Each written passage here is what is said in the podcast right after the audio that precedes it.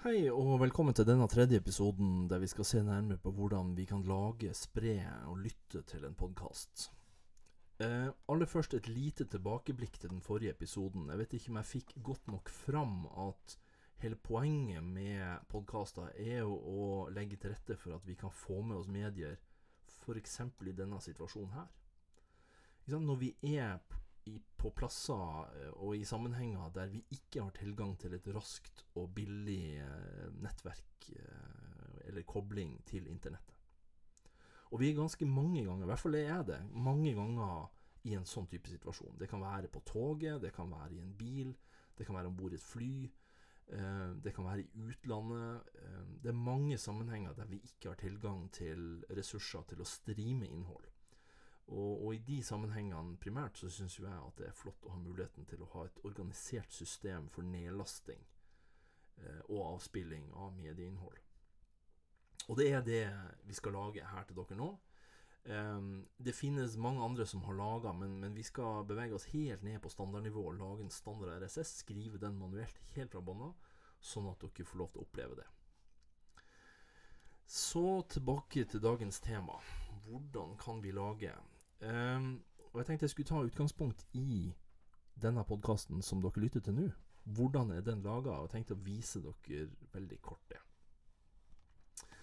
Eh, det jeg drar inn nå, det er en oversikt over de filene som i hvert fall før dere lasta ned denne eh, episoden her, eh, utgjorde hele dette podkast-feedet. Så her ser dere da fire filer. Dere ser en RSS-fil. Dere ser en PNG-fil med en grafikk på, som dere kanskje kjenner igjen. Og dere ser to videofiler i MPEG-4-format. Og dette er alt som skal til. Dette og en, ei mappe ute på weben som gir disse filene en URL, er alt som skal til for å lage en, en, eh, en podkast. Um, så med svært enkle ressurser så er dere i stand til å sette opp og distribuere medieinnhold på denne måten. På en sånn måte at de som abonnerer, får opp innholdet så fort dere legger ut nytt innhold. Akkurat sånn som dere gjør nå med denne podkasten her. Så jeg tenkte jeg skal gå gjennom i hvert fall disse tre hovedtypene filer og vise dere eh, hvordan jeg lager de primært. Eh, og også hva, eh, hva jeg gjør i forhold til metadata. For i fronterommet så står det litt om metadata. At metadata er litt viktig for at avspillingsprogramvaren skal vite hva innholdet er, og ikke minst at dere som lyttere eller seere skal vite hva dette er for noe. Så vi skal snakke litt om, om metadata også i denne sammenhengen. Um, for å ta denne fila først, da. Dette er videofiler som danner utgangspunktet for episode nummer to. Eh, Den har dere forhåpentligvis sett gjennom, og den inneholder video. Ehm, den filmen her den produserer jeg med et, et skjermopptaksprogram. Altså jeg tar opp skjermen min mens jeg snakker, og har kobla en mikrofon til laptopen min samtidig. Ehm, videoen tar jeg opp i et tapsfritt format. Så videoen sånn i utgangspunktet blir voldsomt stor. Ehm, når jeg eksporterer videoen, så setter jeg bilderaten til én, altså én frame i sekundet. Og så går jeg ned Skal vi se om vi kan få opp litt informasjon om selve fila. Um, som dere ser, så er det her ei MPG4-fil. Um, den er 640 ganger 400, jeg skal si litt om det. Og den inneholder H264 video og AAC-komprimert lyd. Og det tror jeg er det nærmeste vi kommer et noenlunde standardisert både format og kodek, både for lyd og bilde, som de aller fleste kan spille av. Eh, bakgrunnen for at den er 640-400 og at jeg har landa på akkurat den størrelsen, det er at når jeg tar opp hele skjermen min her nå til dere, så komprimerer jeg da ned en versjon etterpå som er en fjerdedel av størrelsen av arealet på skjermen. Eh, og når jeg samtidig sier at jeg bare skal ta vare på ett bilde per sekund, så går komprimeringa veldig, veldig fort. Og kvaliteten blir relativt sett veldig, veldig høy. Så det er den metoden jeg har funnet ut er best for meg, i hvert fall når jeg skal eh, på en måte distribuere denne type podkaster. Det kan godt hende at bevegelse er et viktig punkt, og at dere i enkelte sammenhenger må ha mye høyere kvalitet, både i forhold til eh, kodekvaliteten, men også antall bilder per sekund. Men den vurderinga gjør dere i det enkelte tilfellet, basert på det innholdet dere har. Men i hvert fall dette syns jeg fungerer. Hvis det er noen som syns at denne kvaliteten er for dårlig, eller har andre kommentarer, så send gjerne en e-post tilbake til meg. Eh, så her ser dere da videoen sånn som den forelå. Det jeg gjør i tillegg, når jeg er ferdig å ta opp en sånn type video som dette her, det er at jeg går i Skal vi se Er det inspektøren eller filmegenskapene? Jeg husker aldri. Jo, det var det. Um, så går jeg inn hit, og så skriver jeg inn en del uh, data, metadata, om filer. Ikke sant? Jeg legger til produksjonsåret. Jeg legger til opphavsperson.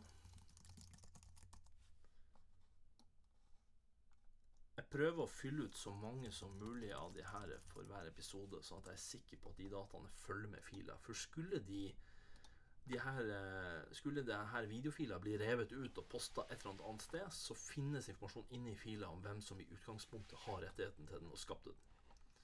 Så dette er måten å presse metadata inn i ei videofil på. I dette tilfellet med quicktime-avspilleren. Men uh, det finnes også mange andre verktøy for andre plattformer som gjør det mulig å putte denne type metadata inn i enten ei lydfil eller ei videofil. Så da stenger vi det. Da har vi vært igjennom disse typer filmene, og vi har kort snakka om at dette er ei grafisk fil. Jeg kan åpne den opp i et litt større format, så dere får se den her. Skal vi se. Um, som rett og slett bare er ei forside, og som dukker opp på avspillingsenheten til den som har abonnert på podkasten. Sånn at man har uh, noe grafisk å forholde seg til uh, når det gjelder hele podkastfeedet. Uh, så kommer vi til den siste og kanskje viktigste fila. Den fila som binder sammen alt. Nå ligger dette her ute i webmappa mi på mitt eget hjemmeområde, og dere kjenner igjen mappenavnet. Jeg eh, skal kort si litt om hvordan strukturen her er oppbygd, før dere får se den konkrete fila. Eh, her er XML, eller i hvert fall et, en kort skisse på XML-kode. Og strukturen i et podkast-feed vil, være sånn som dette her. Den vil først deklarere at dette er en XML-fil på toppen. Og så vil det komme en tag som sier at nå kommer det en RSS-feed. Så definerer den det den kaller en kanal, og så kommer det litt kanalinformasjon. Og så kommer det items, altså informasjon om hver episode. Og så avsluttes kanalen og hele RSS-feedet helt til slutt. Så dette er den grunnleggende strukturen til alle podkast-filer.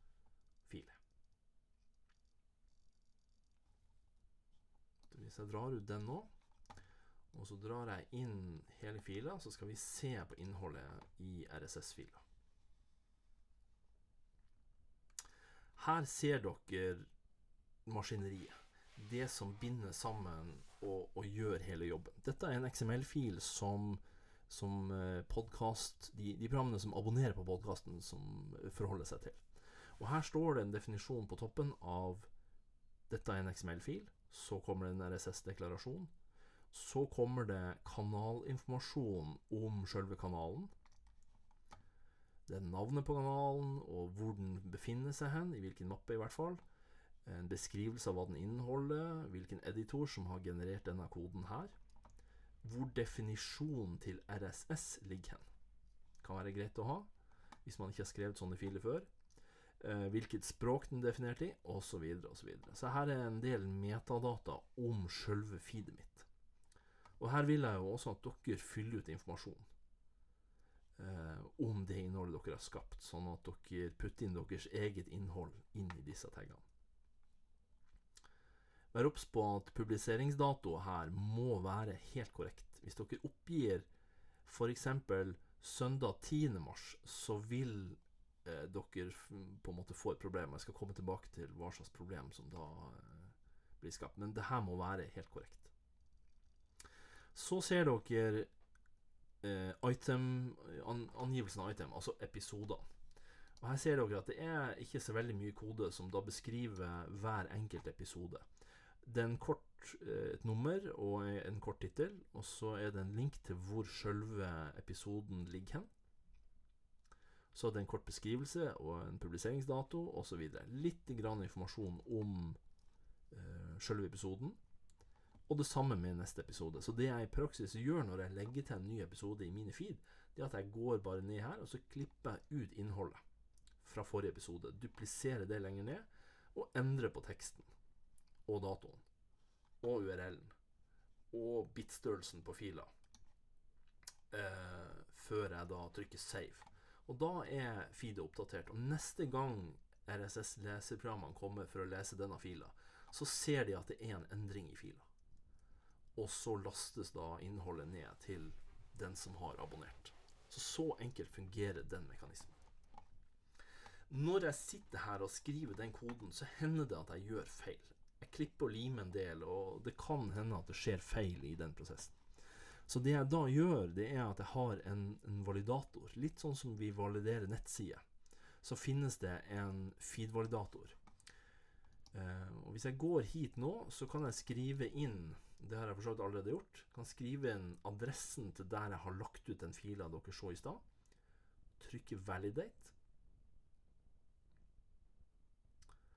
Og får opp en validering av at den koden her er, er et korrekt RSS-feed som, eh, som, alle kan abonnere på og få til å fungere. Um, hvis jeg tar ut denne her nå Det jeg for så vidt ikke har tatt dere gjennom, det er hvordan filene kommer fra min maskin og ut på nettet. Her på Mac-en så kan vi gå til koble til tjener. Og her er adressen til stedet som dere har fått oppgitt i fronter. Altså det stedet som er en lagringsmappe som dere kan lagre podkaster i. Og I det øyeblikket dere går til den, så ser dere at den er tom nå, men det er her jeg vil at dere skal legge ut filene deres etter hvert. Bare pass på at når dere kommer så langt at dere ikke opererer med filnavn med mellomrom i, ikke opererer med norske bokstaver æ, ø, å, og jeg har også valgt å være konsistent på bare bruk av lowercase-karakterer. Sånn at jeg ikke får noen problemer når jeg skal laste dette ut på nettet og få det til å funke. Uh, ja. Uh, så det var uh, en veldig kort gjennomgang. Nå har vi også snakka litt som jeg sier, om metadata, både i forhold til at det finnes mye metadata inne i feedet, men også hvordan jeg redigerte metadata inne i videofiler. Um, så det er viktig at i tillegg til det, også i sendinga uh, Ikke sant? Sånn som dere ser at jeg har gjort her. Jeg har lagt på navnet mitt. Kanskje dere bør legge på en rulletekst bakerst. Kanskje det er brukt musikk som dere trenger å kreditere. Uh, og da fortrinnsvis fribrukslisensiert musikk. Altså Det kan være behov for å kreditere de som har bidratt til sendinga. Uh, og da bør dere gjøre det på en ryddig måte, sånn at det kommer fram inni sjølve sendinga også. Så vi har tre ulike plasser vi har metadata. I fila, inni sendinga sjøl og i RSS-feed.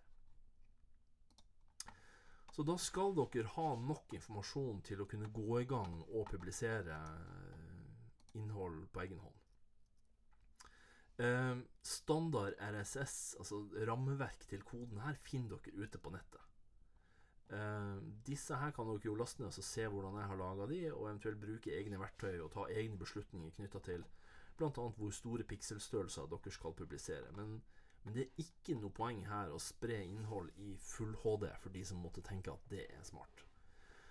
Det blir ofte veldig veldig store filer, og i veldig mange sammenhenger så sitter nok folk og ser på dette her på smarttelefonene sine. Så ta en ordentlig gjennomgang av uh, hvilken pikseloppløsning dere trenger, og hvilken kvalitet dere trenger generelt i de filene dere publiserer. Det, er, det finnes folk som sågar publiserer flere feeds.